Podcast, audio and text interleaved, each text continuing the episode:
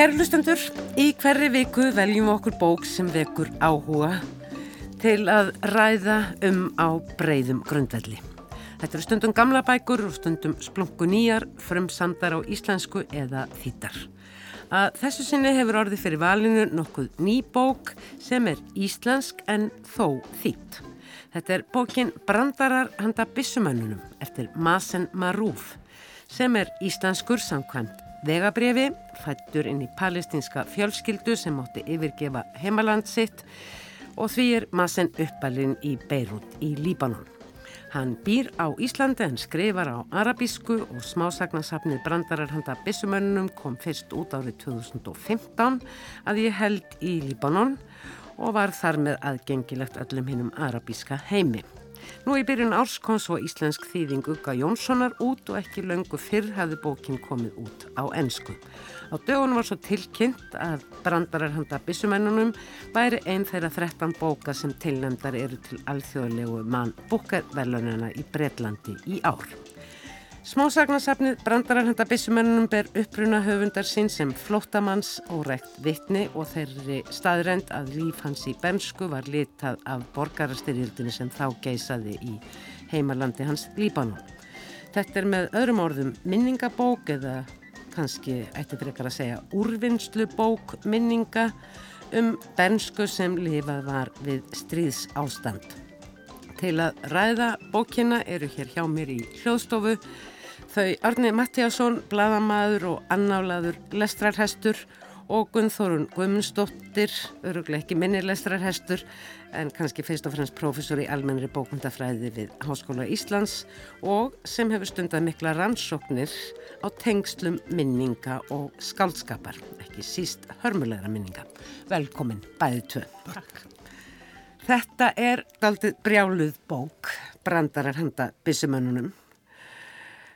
Hún hefst á titilsögu sem er jú svo lengsta og uh, svona kannski að sínuleiti svona venjulegust ef svo má orðið komast og má kannski líta á hana sem einhvers konar forleik. Hún hefur, ber í sér margt af því sem að hinnar sögurnar svona fara nánar úti allt þetta surrealíska um dýr sem tala og fólk sem jafnvel giftist dýrum, fólk sem rýsu frá dauðum og, og menn sem þvælast inn í annar manna drauma og ég veit ekki hvað og hvað.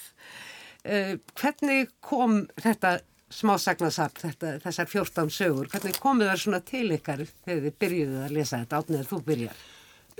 Ég verð bara að segja, sko, mér fannst svolítið hérna, tónin svolítið harður og myrkur til að byrja með en svo kom í svona... Í fyrstu sögunu þessari löngu sem er bara einar 40 blassið. Já, einmitt og þar komu náttúrulega fyrir þessi, þessi bissumenn sem eru í raun og verið gangandi gegnum bókina, það er að segja þessi bissumenn sem að hafa vald vegna þess að þeir hafa bissu og hafa stöðu og er litið upp til og engi þorra að segja neitt að þeir eru með bissu. Já, já, með nóttast á. Já, já, með nóttast á og þar kemur þar fyrir og ungi piltar vilja vera eins og þeir vegna þess að þeir hafa völd og, og hérna, stöðu í samfélaginu. En hérna eins og segi, mér finnst þetta svolítið harkalega þarna, sagan sjálf, grundtótin í sögun er svolítið mm. harkalega og grimmilegur og það er gegnum bókina þetta eru, þetta eru grimmilega sögur en það eru líka eins og sagði, það eru líka ævintýrlegar og, og það er svona hann snýr mjög smart upp á hérna raunveruleikan og leikur sem ég alls skrítin minni og, og hérna gerir þetta alveg fáranlega vel mm. Kom þetta þér á óvart sem hefur nú lesið svona ymsar minningar um stríð? Já, ég kannski lasi þetta ekki alveg þannig, ég var svona þeirra fyrst að fremst að lesa þetta sem skaldskap en, en sko hann dróð mig inn alveg um leið sko, algjörlega sko inn í þessa lógík sem hann skapar. Það er svona einhver innri lógík í þessu, einmitt eins og þessi tengsl manna og dýra og svo framvegis og eh, lógík ofbeldisins mm. og hérna valsins sem er, sem er algjörlega tilviljanarkend, mm. sem byggir ekki á neinum sko einhverjum rökum eða einhverjum sko um, ramma sem að barnið skilur, heldur er bara hann skilur hann ekki Og þetta snýst alltaf um að grípa alltaf tækifærið, láta sér þetta eitthvað í hug. Já, þetta gerir það og oft snýst þetta um að lifa af með því að segja sögur, með því að segja brandar og við kannski tölum um það eins betur setna. En það sem ég fannst kannski svolítið ábærandi og er líka mitt ábærandi fyrstu sögunni er hvað hún tekst vel að nota sjónarhótt bassins. Mm -hmm af því að það er oft mjög snúið sko. stundum verður það tilgerðalegt eða það er svo augljóst að þetta er gerfi bann einhvern veginn sem er að tala en þarna er sko bannið í fyrstu sögunni, það býr bara til sína eigin lógík úr því sem er að gerast og í hans heimi þá verður það bara lógíst að pappans þurfi glerauga mm -hmm. og maður dregst að fyrst náttúrulega býtu hvað mm -hmm. hva er að gerast hérna en, en sko þetta áframhaldið er þannig að þetta verður svona óumflíjanlegt mm. einhver stað mun gleru að enda þó að maður kannski hef ekki átt vona á hvað það endaði. Nei, einmitt. og hann byrjar á uh, þessari paprikuplöntu. Svo saga byrjar á því að pappans kemur með paprikuplöntu og hann á að sjá um hana. Og þetta er uh, samband hans við paprikuplöntuna verður mjög tvíbent og, og hún verður svona einhvers konar uh, svona vútudúkka líka uh, fyrir samband hans við föðusinn. Já, þetta verður sko hans leiða uppreist Já. Og, og sko að rækja á paprikuplöntuna að rækja á paprikuplöntuna og drekka sjálfur vatnið sko, sem og, og sem verður til þess að pappans hættir að tala við hann sko Og, og sko fyrst þegar maður byrjar á þessum sögum þá einhvern veginn er freistandi að sjá bara symbolisma í öllu mm -hmm. og, og, hugsa já þetta tánar þetta og þetta, þetta er ekki þannig heimur sko. hann, er, hann á ekki að ganga upp en fyrir barninu verður paprikuplantan tátt fyrir sálir fjölskyldu meðlum hana mm. og hann fer að trúa því að hann verða bjarga plöntinni og þá lifi þau af e, þannig að aftur einhvern svona innri lókík barsins En, en, en barnið er líka alltaf að leita einföldu lausninni. Já. Alltaf að leita, geta að retta málunum. Bara ég gerir þetta, þá retta ég allir. Og endanlegri löst. Já, endanlegri löst, sko. Já. En það er eins og segja, það er þessi, þessi, þessi skrítna lógík barnsins, hann nær henn alveg fáranlega vel. Hann gerir það, hann og, gerir það alveg útrúlega vel. Og, og fyrir vikið þá verður þetta, en svo, mér fannst að svo skrifa hann alltaf, það kemur hann fyrir, hann, hann sé að skrifa sérst frá eldra sjónurhóttni. Jú, jú og það verður einhvern veginn flatara því að maður er einhvern veginn svo komin inn í þessa ævinterlegu hugsun sko. Já, mm. það er mitt. Þó að það sé ævinterlegt eins og þarna þegar hann er að njóta ásta með unnustunni og, og maðurinn hinn er með göttuna alltaf að rópa. það er fólk að ríða það. Já, einmitt, já, þó að það sé vissulega ævinterlega saga að öllu leiti, sko, það var það samt svona kannski aðeins flatara. Já, frásna stílinn verður kannski aðeins öðruvísi þegar það er fullorðin þá þetta mér í hug önnur saga sem að uh, er líka sagð frá fullorinn sjónarhóttni það er þessi uh, þar sem þau eru að keira á hraðbröðinni og Kera með, mömmu, kera með mömmuna á já. mamman er með Alzheimer og það á að kera hann á dvalarheimilið í lók vikulegar heimsóknar hjá sininum og á hraðbröðinu er eldri maður og allt sem hann snertir verður að kekskökum. Þetta er nú eitthvað það þáránlegast að sem hægtir að hugsa sér. Já. Og þar finnst mér hún takast að þá var ég eiginlega komið svo langt inn í bókinu, þetta er ekki, þetta er bók svona miðbygg, eh, saga um miðbyggbókarinnar, að ég tók þessu algjörlega já, já. Já, það virkaði algjörlega, algjörlega raugrætt eins og allt annað og svo sko það er hérna þetta var svolítið eins og í svona sko Looney Tunes teiknumind mm. Eh, einhvern veginn, bílar beitast í keksklubur það er alveg geta gæst í einhverju, einhverju þannig veröld sko Já. og svo eh, aftur er þetta spurningum frásögnuna því að þetta er sagan sem að sagt, maðurinn segir frá, segir mömmu sinni mm. og lætur mömmu sinni að segja á ja. læknunum svo að þeir halda hann sem Alzheimer sem henn er raun og veru ekki með Já. þannig að sko þessi frásögn eins og það að þeir fæðgarnir eru að búa til brandara til að segja byssumönnunum Eh, það er alltaf leið til einhvern veginn að lifa af. Mm -hmm. og, og þessar frásendir eru ekki það eru ekki heillandi sko eins og þessi brandar sem eru búið til að fá náttúrulega aldrei að heyra neitt slíkan. En, en þetta er ekki eitthvað sem er sko af einhverju ástúðu eða passjón eða neinu slíkur heldur er þetta hræðslu óg mm. Þetta er viðbröð við óg Já, já, já. Þeir er alltaf að beita þessu sem vopni sér til, í þessu tilvíki sér til varnar. Já, þetta En þetta með eh, brandar að koma víða fyrir, eh, þeir eru líka svona svolítið gegnum gangandi tema þess að sagði að fyrsta saga var kannski einhvers konar eins og mhm. forleikur í óperu þar sem að verið tiplað á svona flestu sem ætti eftir að koma fyrir. En það er hérna mjög förðuleg saga um mannin sem að hættir að brosa. Já, einmitt, já. Það er mjög sérskynleg. Og, og brandari sem verður bannvætt. Já, já en, en þar kemur það líka inn í að hann nýtur virðingar í samfélaginu þegar hann er búin að drepa einhvern. Já, þá, þá er hann orðin, þá er allt, allt orðið gott sko, þá er hann, nýtur hann virðing allir lítið upp til hans, allir eru svona hrætti við hann og... mm. Já, fyrst er hann aðhlátusöfni hann breytist í einhvers konar leikfang fyrir batnaafmæli og af því hann verður svo álútur síðan verður ennþá álútur, þá breytist hann í rennibraut sem að gamalmennir enn að nota og til að skemmta skemmta sér sko og svo segir hann óvart brandara.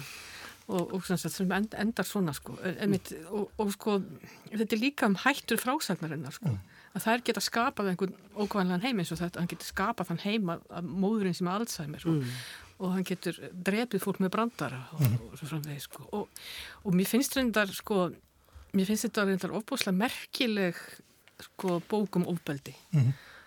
það eru svona tvístræðir líkamar út um allt. Það vantar handleggi og fótleggi og augu og, og svo framvegis. Og mér finnst það alveg ótrúlega magnað hvernig, hvernig ofbeldunum er líst mm. En það er líka þetta sem sagt að eins og badnið badnið er að upplifa ofbeldi lýsir því, það verður svo blátt áfram og, og það, ver, það er sem sagt þessi líkt svona blátt áfram eins og þetta já, já, hann, hann var drefnin, svo var hann döður og Svo dró ég lík föðu mín já, og hann reyndist vera levandi. Já, hann reyndist vera levandi. Og... Já, þetta verður svo banalt og hverstaslegt en það er einmitt það sem náttúrulega svolítið stríðsástand gengur út á að það verði eitthvað, einhvern vani af eins og bara stendur strax á, á, hérna, á fyrstu síðunni þegar hann segir að við annað veifið heyrðum við skotkvelli en við vöndumst þeim alveg eins og maður venst því að heyra bíla flauta út á götu. Þannig að ja. þetta hljó, stríðsljóðin verða ba banal. Já, Já einmitt. Mm. Og síðan þegar, þegar bróður hans er dreppin í, í þessi þeirri sögu mm. og með öllum börnunum í skólabílnum, sko, þá er það bara eitthvað... Eitthvað sem gerist. Já, það er eitthvað sem gerist og þau bráðum, hvað séður, þau líka maður þeirra bráðnuðu hver saman við annan. Veist, þetta er hryllilega, þetta er hryllilega hrylligilegt. En þessu er líst svona bara blátt árum, þetta mm. bara gerist og svona Já, er þetta bara. Einmitt, einmitt. Við skulum heyra hérna stutt brot uh, úr viðtali sem að Gunni Tómasson tók við uh, Massen uh, einmitt um þessi börn. The children in these stories were given all the freedom to, to speak out, to express, to read the reality. And I think this is mainly coming from uh, the fact that when I was kid and I lived the war years in the 80s in Lebanon, we as children we lost the sense of security and when the sense of security cracks then you kind of lose the thin line between fiction and reality. So reality becomes fiction fiction becomes reality you know. They all uh, like come through each other and and this helps like if you want to be an artist or writer maybe you can use that. Otherwise people you know like collapse and and they yeah it can it can be good only if you want to do something artistic out of it. Marsen saði sem sagt að veitt börnunum í sögu sinni fullkomið frelsi til þess að lýsa sinni sín á hvernig þau upplýðu þetta stríðs ástand þar sem að línan á milli raunveruleika og skáldskapar verður mjög óskýr og ekki vitað hvort er hvað. Og hann talar um að slikt sé góður efni viður í skáldskap. Hvernig hljómar þetta svona í eirum okkar hérna í okkar, sem eigum okkar skrippborð og, og, og, borð og stól og getum í róli heitum skáldað ef við vildum.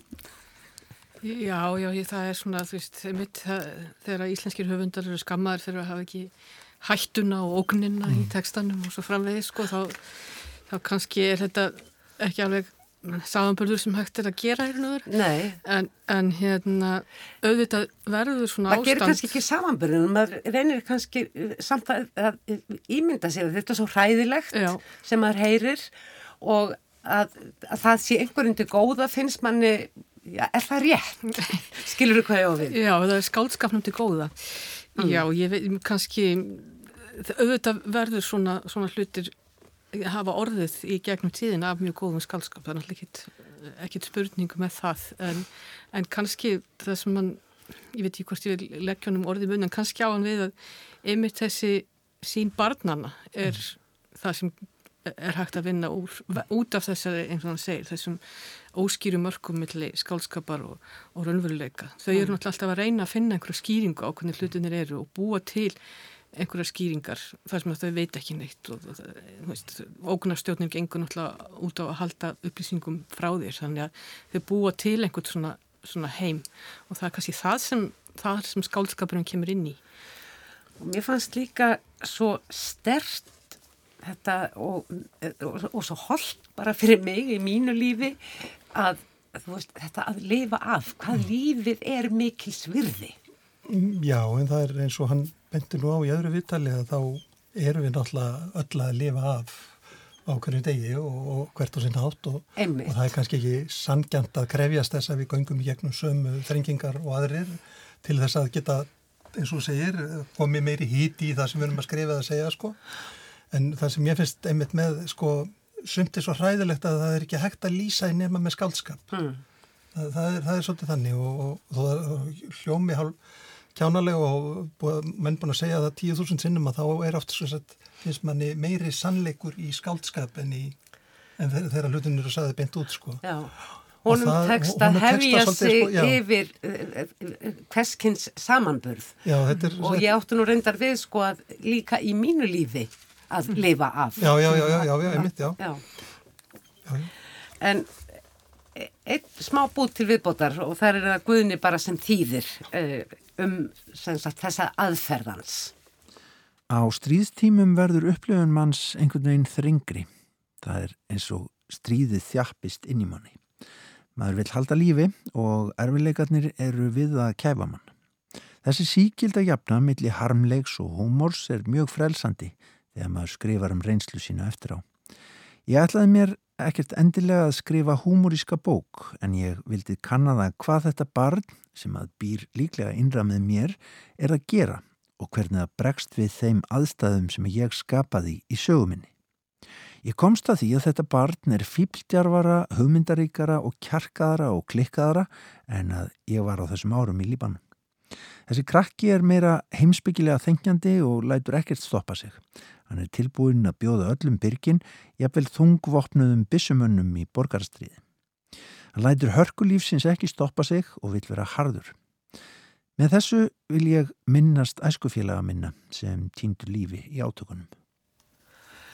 Já, þarna er barnið og húmórin eh, uh, eh, aftur til uh, umræðu og hann saði líka á öðrum stað að eh, sagt, eh, þessi benska rödd hefði verið honum mikilvæg vegna einmitt mm. allra sem hann hefði mist þú lístir þínu uh, last þarna smá klausu úr bókinni. En þetta að nota börn í svona frásögnum við þekkjum jú söguna Óskari Matsarat í Bliktrómu Gundarsgras en þetta er, þetta er mikil list að opna okkur þennan heim uh, þannig að við náum einhverjum skilningi sem lesendur uh, á svona ástandi. Og þú greifst með þér átni bók, þar er ju fullarði fólk. Já, já, já, eða sagt, það er náttúrulega ungmenni, Jú, ungmenni, líka, það er hérna, þúsund og einn nýfur og fleiri sögur frá Írak eftir Hassan Blasim sem kom hérna á, á bókmyndaháttíð hérna um árið og var mm. opáslega rólegur og hlýr og geður og indæll og svo les maður þessa svakalegu, svakalegu sögur hans frá mm. Írak. En það er þessi sko kolsvarti húmor já, og þessi undirliggjandi greimt líka. Já, og það er líka það sem að eins og við tökum hérna, ef við tökum söguna um hérna þessa í bíó í hérna bókinas Massens, það sem að hérna hann er í, þau leita skjóls í bíósal og síðan fellur sprengja á salin og, og allt inn er drengurinn einn bara með bánsan með hérna ostunum til að byrja með og svo er óljóst hvað er í maganum á bánsanum eftir mm. það sko. Bánsanum er ennilás Já, eitthvað sem er að falla úr loftinu. Ég, ég áttur ekki alveg hvað það geti verið Einhvers konar manna. Já, já, einhvers konar manna frá him en svo byrstist þetta kýr. Já og, það, og, og svo kemur náttúrulega hermaður sem var að leita að konið sinni sem mm. hafði farið með hana með sér í stríðið hafði haft hana hjá sér í skreitrekan já, til þess að missa hann ekki. Þetta er svo, svo fáránlegt. Mm. þetta er svo út í hött, þetta er svo afkarlegt að maður er alveg til í að trúa þessu. Mm, já. já, þetta er einmitt sko, þetta er svona einhvern veginn alveg algjörlega sannfærandi og, og, hérna, og, og hvernig hún fer smámsamman að, að hérna, borða allt sem hérna, fótbolta já, já, allt sem hún getur þannig að hún verður svo, svo feit að hún fyllir upp í þetta gat mm. sem það sem sást inn, inn í hérna bíósalinn og reyndar eru þessi, þessi þessar kýr og, og og. Já, já, þeir eru náttúrulega mjög svona, þetta er óslulega svona stert í mörgum sögunum, sko. Nautið er náttúrulega svona gamalt frjósamistákn og kallmennsku tákn og táknum styrk og svo framvegis og, Það, og það byrtist þannig í sögunum hérna Juan og Ösa. Já, já, Jú, jú. Það, einmitt. það byrtist það einmitt sem frjósimist ákn. Akkurat, akkurat sko og svo náttúrulega mínútárin sem er hálf, hálft nöyt og hálfur maður og, og svo framveist þannig að þessar, þessar, allar þessar góðsögulegur tengingar koma þarna sko og, og mér fannst ekki síst skemmtileg sagan um sko nautabanan. Já, Já, sem klæðist alltaf nautabanabúningi í vinnunni sinni í sláturhúsinu. Það sem einmitt er tekinn skálskapurinn, þessi, þessi sko ítilíska mynda finnum stórkostlega nautabana í gullklæðunum sínum og er í hverstarslegustu og svona skelvilegasta jobbi sem þú getur verið í sláturhúsi. En þarna er hann og svona, svona stoltur, svo og tekur, tekur ákveðin svona nautabanna Já, já. dans eða nautabanna aðtæfi Já, já, en já, hann, er einmitt, hann deyri einmitt nokkru sinnum. Já, já, hann deyr nokkur sinnum, sko. einn af þeim sem að frá Já, já, og það er alltaf svolítið eins og nautabarinn gerir oft, minna, þeir eru stungnir og hrinja niður í, í, á, á vellinum og svo mm. rýsa þeir upp aftur, sko, og, og eins með nautin, sko, það er eins og þau endurfæðist líka, sko, og, og, þannig mér, mér þetta, þessar nauta, allar myndir voru mjög, hérna, áhrifamiklar fannst mér, Mm. og yfir höfuð þessar, þessar dýra pælingar, sko. Mér fannst uh, eftir því sem að komu fleiri kýr og, og, og nautgripir við sögu að uh, svona, mér fannst það búa til einhverja heimilslega legt andrumsloft af því að kýr eru, þær eru svo hlýjar þessi belgur á þeim og þessi, þessi djúbu augu sem að geisla frá sér svo miklum óendanleika. Já, þetta er eiginlega kannski mitt, veist, þetta, þetta, þetta er tvöfallleiki þarna dýrsins, að hann er annars vegar þessi óbúslega kallmennsku ták, en svo er hann líka einhvern veginn ták móðurinnar, sko, Já, og, já. og hérna, og einmitt það sem gefur af sér og, Mm. og það sem nærir og svo framvegis, sko, þannig að þetta er, og, og skemmtilega hvernig það er notað í sögunum mjög markveist, sko, mm. þessi ólíku, svona, ólíku merkingar hann. Já, akkurat. Um, svo er það þessar, þessi draumar. Draumar koma talsvert við sögu. Er stórmerkileg saga náttúrulega um hérna um hérna heilkennum drauma annars fólks.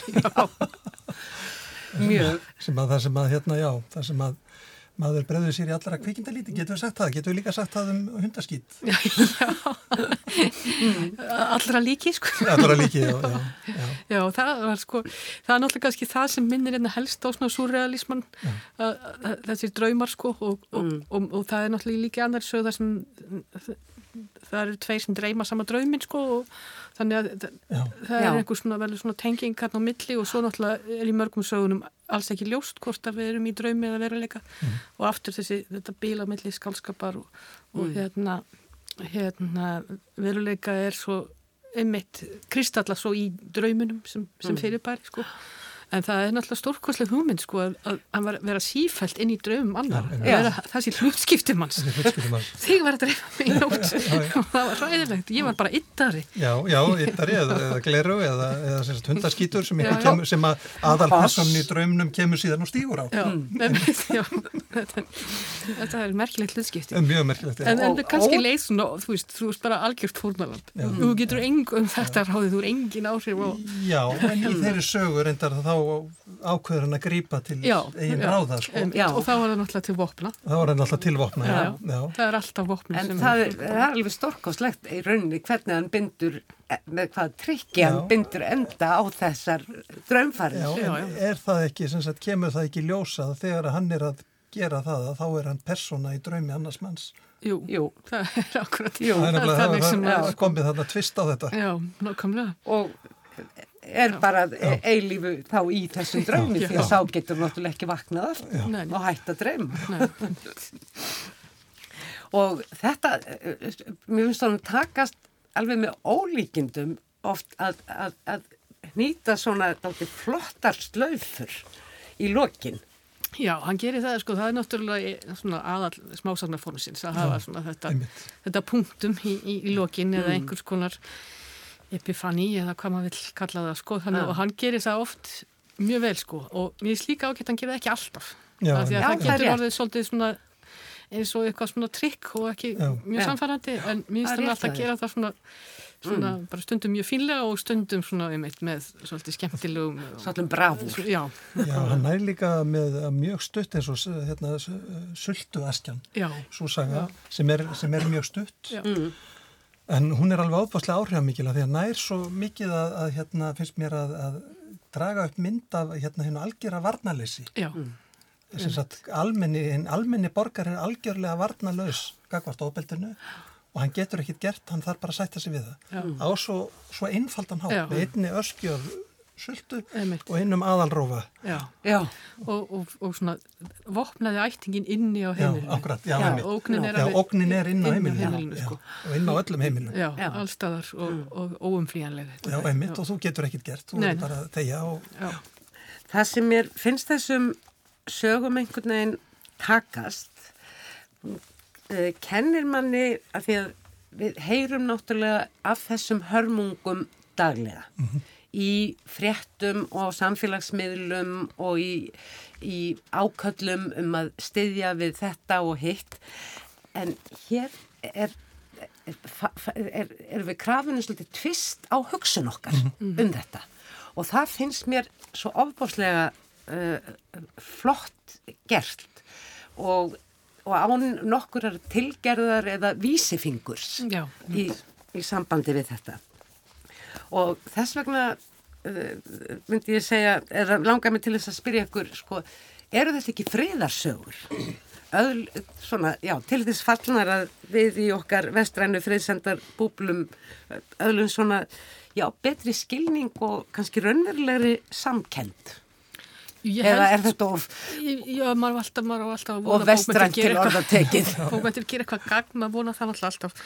Og ég held sko það sem er ofsalega flott þarna er hvernig honum takst að lýsa hvernig er að lifa með ofbeldi. Já, já, og, og hérna ofbeldi sem þú hefur ekki stjórn á. Og, og hvernig viðbræðitt er alltaf að beita sjálfur ofbeldi og, og finna leiðina til þess í, sam, í samfélagi sem er gegnsýrt á ofbeldi. Já, að það er eina leiðin út er alltaf, það eru, það eru náttúrulega sögurnar sko, en þær eru ekki leið út einhvern veginn. Mm. Það, það, þú festist bara, þú þarfst að, þá að segja sögurna hvað um einasta degi.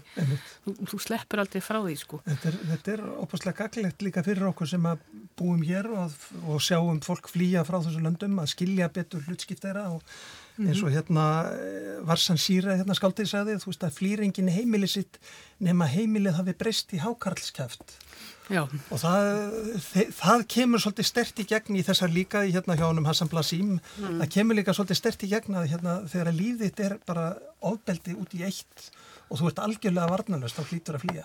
já, auðvitað. Og það er náttúrulega líka, það er fólk sem að hverfur, sem að flýr, sem að er, sko eins og öll þessi feðgasamband, þessi Já. feður sem, sem, sem- hverfa já. eða, eh, sko, eða einhvern veginn, já, eða, eða bara laskast, restinu komnið í hjólastól með Já, eða með bleiu og Já, já. hvað, allt hvað er? Emitt, allt er, all, öll vissa er tekin burt og, og náttúrulega feðgasambandinu snúi við. Mm. samanbæri í fyrstu sögunni sko þegar hann, reynir einhvern veginn að bjarga föðu sín uh, Mansen Marúf uh, uh, sagði við mig í, í viðtali sem ég átti við hann að jú, það eru strákar og ungir kallmenn sem að segja allar sögurnar. Konur koma við sögu, bæði sem kærustur, unnustur, uh, eiginkonur og, og mæður, ekki dætur endur ef ég mann rétt, en hann sagði þetta er samt þó að það séu svona mikið af, kallmönnum þá eru þarna feðurnir fara, hverfa eins og þú segir en mæðurnar það eru þær sem eru hérna raunverulegu hetjur og, og frá þessu vil ég leiða í, inn í personu sköpun þetta eru margir strákar en samt er þetta sami strákurinn. Já, þetta er sami strákurinn, Já, finnst mér, finnst í það, gegn og, og, og sami strákurinn sem verður líka ungu maður og, og verður fullorðin í sögunum og það, mér finnst það vera mjög stert svona í gegn. Já, og, en, og feðurni, þetta er sami faðurinn í raun og veru Já, já, mm. sem er að missa fæturnar eða handleggina eða, eða hvað, ég veit ekki hvað kemur ekki fyrir hann sko.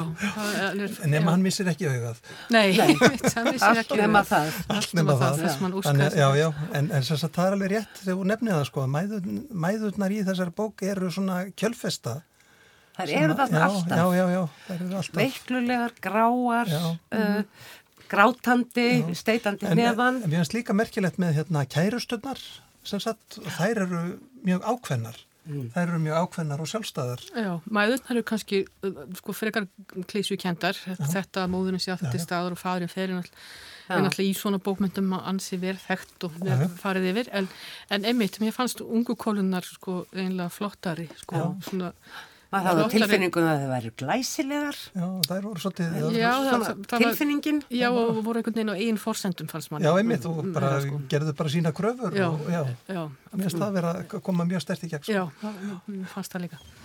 Og ekki, sko, móður, fórtúsa móðurinn er náttúrulega svona svo vel þekkt fyrir það, en auðvitað er náttúrulega líka ákveðin realismi þar því hvað gerist á stríðsráðum slóðum hverjir verða eftir sko. hverjir eru teknir burt eða drefnir fyrst Já. og svo framvegð sko, það, þetta er nú ekki ástæðuleysu sko. En það er náttúrulega það er svo hröð atbyrðar á sinn, þetta eru flesta sögurnar eru stuttar til mjög stuttar nema þessi fyrsta sem er svona löng 40 síður eins og ég sagði á hann að það er lítill tími svona til þess að það er ekkert verið mikið að, að lýsa umhverfi litum fatnaði eða, eða personum, við veitum ekkert hvort fólk er hérna feitt eða mjótt eða lágast eða háast eða svo framvegis nema, við veitum að við á einni roskinn dvergur. Það er góð lýsing. Mitt, fæstir hafa nöfn og, og svo framvegis sko, það er ekkit verið að dvelja við þetta einhvern svona realisma í því sko að vera eitthvað að lýsa eða nefna hluti. Maður er bara, maður er bara inn í aðstæðum. Það var svona forvinnilegt að það er einn saga sem gerist ekki á stríðslóðum og það er náttúrulega Juan og Ausa síðasta saga. Eða Ása gerir á það maður myndi segja. Juan og Ása, hún gerist náttúrulega ekki Nei. í Líbanum Nei, Nei hún gerist í Hún gerist á Spáni hún gerist á Spáni já. og hún er, hún, er, hún er mjög fín svo sagða mjög fín já. en mér fannst svona það er, það er, það mér fannst svona eins og hún passaði ekki, kannski ekki alveg inn í það er að segja að hugmyndaheimurinn já og já. það sem gerist já mm. en svona sögursvið ég einhvern veginn mm. allavega staldraði við það Já, maður tók svona eftir því sko en um leið þú veist var maður hann svo, maður vildi fá meirum nöytið það, það var einhvern veginn og það var, var bara þarna já. og svo er þetta eina sagan sem að þar sem við höfum röttu dýrsins. Þar sem hún finnst hann ásamlega ótrúlega heisk og bara unnir bara mjög ánætti sitt. Og kann, kannski tákar enda þetta skuli einmitt vera síðasta sagan. Já, við förum út úr þessum heimi. Já, það er náttúrulega líka ákveðin kannski punktur og við erum bara farin. Hlúin sko En, en, en eins og segi, hún passa henni hugmyndaheimin sko. Já. Það er algjör, algjörlega sko. Já. Þetta er náttúrulega aldrei merkilegt hvernig þessar sögur urðu til. Þarna er uh, maður sem vil skrifa, efnafræðingur, alveg upp við þessar aðstæður í Líbanon sem við hefum svona aðeins uh, komið inn á og uh, fær að verða hér réttöfundur í skjólborgrið töfunda þessum alltjóða samtökum mm. íkon og fær síðan íslenskan ríkisborgari rétt og er í fyrsta sinn með eitthvað í höndunum sem segir að fyrsta, ég er til. Já, fyrsta ríkisfangi sem hann fær, hugsaðir. Já. Áriði fullanið maður. Akkurat. Og þetta er maður, mann ekki, hvað hann er, hvernig hann er fættur, hann er eitthvað tæplega færtur, en eitthvað svo leiðis. Og þessar sögur skrifar hann hér í Reykjavík loksins komin í rauninni í örugt skjól og, og farin svona kannski að máta sig við það og skrifar þessa sögur 25 árum síðar. Já. og þær hafa núna verið þýttar eins og ég segja á ennsku og hann er bara komin á e, sem sagt ég segi ekki á forsýður hérna stórbladana í útlöndum en rosafína dóma í dræður og ekki rosafína dóma sko. mm. en þetta er reynda merkilegt þegar þú segir sko, hann skrifar þetta hér og vil skrifa hér í öryggjun, hann kemst hérna í öryggi að hún finnst mm -hmm. og þá kemur þetta fram sko en hann var náttúrulega búin að yrkja áður og, jú, jú. og er, er fínt ljóðskáld líka sko Sannarlega Þetta bara segir manni sko að hérna, við hefum bara hleypað fullt af fleiri fólk Já, bætir, bætir, bætir, bætir, sko, bætir líf okkar líf, sko. líf okkar allra og, og hérna, það eru svo margir höfundar og, og hérna, bladamenn og aðrir sem er í stórkoslu hættu eða í fangelsi og svo framvegð sem að gætu fallið undir þetta prógram sko og, Mm. og, og fyrir þetta náttúrulega alla aðra flóttamennina sem, að takja þess að smá predikun sem að hann gerir ekki sem sagt Nei, hann gerir það ekki, nei. að, að þetta er bara auðvitað náttúrulega er þetta líka þannig að þú skrifar ekki þegar þú ert hérna í miðju Kúlnaregni. Nei, það, þú, þú ert náttúrulega ekki situr ekki við kjartaljós og, og, og skrifar útöflu skáldverk Mm. þegar þú ert að reyna að lifa af sko. þannig að það lítur að gerast eftir á Það var ein saga sem ég langaði aðeins til að koma inn á sem ég fannst uh, hún líka svolítið óvinnileg, uh, sker sér svolítið úr. Það er uh, sagan um hann Munir, fiskabúrið heitir hún. Já, já, Já. um, um, já, það var nú eiginlega svolítið grípi í saga. Já, hún var, mjög- sorg, Já. hún var mjög sorgleg. Já, já, mjög sorgleg og svolítið óhuguleg. Já, og einhvern veginn svona mitt í hinnar, það er eitthvað litríkt við hinnar, eitthvað snarst, einhver, einhver lífsákefð, en þarna fannst mér vera eiginlega alltaf því vonleysi. Já, svona örvænting sko. Já, þau náttúrulega gefa sig hérna blekkingunni algjörlega á, á band, sko, Já. í restin. Það verða algjört, fórn, algjör fórnalöfn þessari blekkingar, sko. Já. Mm. Já, þau er náttúrulega tilrönd til að egna spatt sem að hérna mistekst og, og, og fer svona illa þannig að þau geta aldrei egna spörn og, og, og, og binda svona þessar stórkoslegu hérna, tilfinningaböndum með þennan blóð veit ég hvað mann er eiginlega Blóðkrull, Blóð, já, ég einmitt. og svo, svo, svo náttúrulega í, staðin fyrir að, að verða barni Mm. og, og stækka og allt það þá einmitt gerist í öfu að hann hverfur smám saman og mér, þetta var mjög stert en mjög óhugulegt og reyndar sko ég hef lesið nýlega svolítið að sögum um svona ja, um tilhörinu til þess að eigna spötn og ófrúksemi og, og slíkt. Og það, það sem að ég tengdi við þetta var sko þetta, þetta þessi ofbóðslegi sko líkamleiki. Mm. sem er sko þannig að líkami kólunar er orðin hálgjörður vígvöllur einhvern veginn fyrir alls konar tilunir og liv og, og svo framvegis og framvegis. Og, og þú getur ekki rætt þessi mál án þessa mikla sko, líkamleika. Mm. og, og það eru líkamar út um alla þessa bók og, og þetta er einhvern veginn líkamann sem aldrei varð og er bara, þetta er alveg ræðilegt en, en mjög sko áhrifa mikið Já. mjög óhuguleg Óslega vel gert, sko. Og nær einhvern veginn að búa til einhvern, einhvern furðulegan, ég veit ekki hvað, einhvern annan flöt á, á allt saman. Já, einmitt, á þessum, þessum byli milli skálskapar og raunveruleika. Já. Þegar skálskapinu raunveru er al, fer með þau, sko, Mm. algjörlega. Þessi blekking, hún bara, já, eðilegur þau, sko. Nákvæmlega. Þó að sé, já, ég veit ekki, þessi, þessi ammæli sem er... Já, Já, já, einmitt, já, já, já, já, já, einmitt, það, sko, svo er þetta allt neitt fyrir Þessi, þetta er ennþá þetta er svo surrealist. Já, Mjög. En þetta er sannarlega bók sem að fólk ætti að lesa. Já, já. já, endilega. Já, já. Því að hún er, hún er svo skemmtileg en svo setur hún svo og uh, gerur eitthvað við mann. Já, Já, algjörlega, sko. Hún er, hún er bara ómissand á hvert heimili, myndi ég segja. já, daginn. Þetta, ég finnst bara endilega sko að, því að það er líka, það er bara gaman líka að lesa texta sem eru bara allt öðruvísi en það sem maður er akkurat vanur í augnablikinu sko, þetta er bara, hann gengur miklu lengra í kannski svona tilhörlega sko í þessum draumapælingum og þetta heldur en Já, hún er, svona, já, mér finnst þetta bara eitthvað, og það text, já, já, hún er, ég menna hún er skemmtileg þessi bók. já, Bustið frá sögunum blóð. já, Já, Nei, en hún er líka skemmtileg á sinn hátt og þetta er, Já. þetta er raun og veru alveg, var alveg opáslegt ævindir að lesa þessa bók. já, algjörlega. Já, það eru ljótir hlutir þarna og það er þarna bakvið skinja maður, það er þarna harka og grind. Er, þetta er opáslegt ævindir að lesa þetta. Hún er ævindirleg. Já, æfintýraleg og einhvern veginn svona full af lífs ákjörð. já, já. já, Árni Martíasson, bladamaður og Gunnþórun Gummistóttir, profesor, þakk ykkur innilega fyrir að lesa með mér og spjalla um brandara handa bissumennunum eftir Masen Marúf. Ykkur hlustendum þakka ég kærlega fyrir samfélgina og minni á heimasíðu þáttarins rúf.is skástrygg bók vikunar.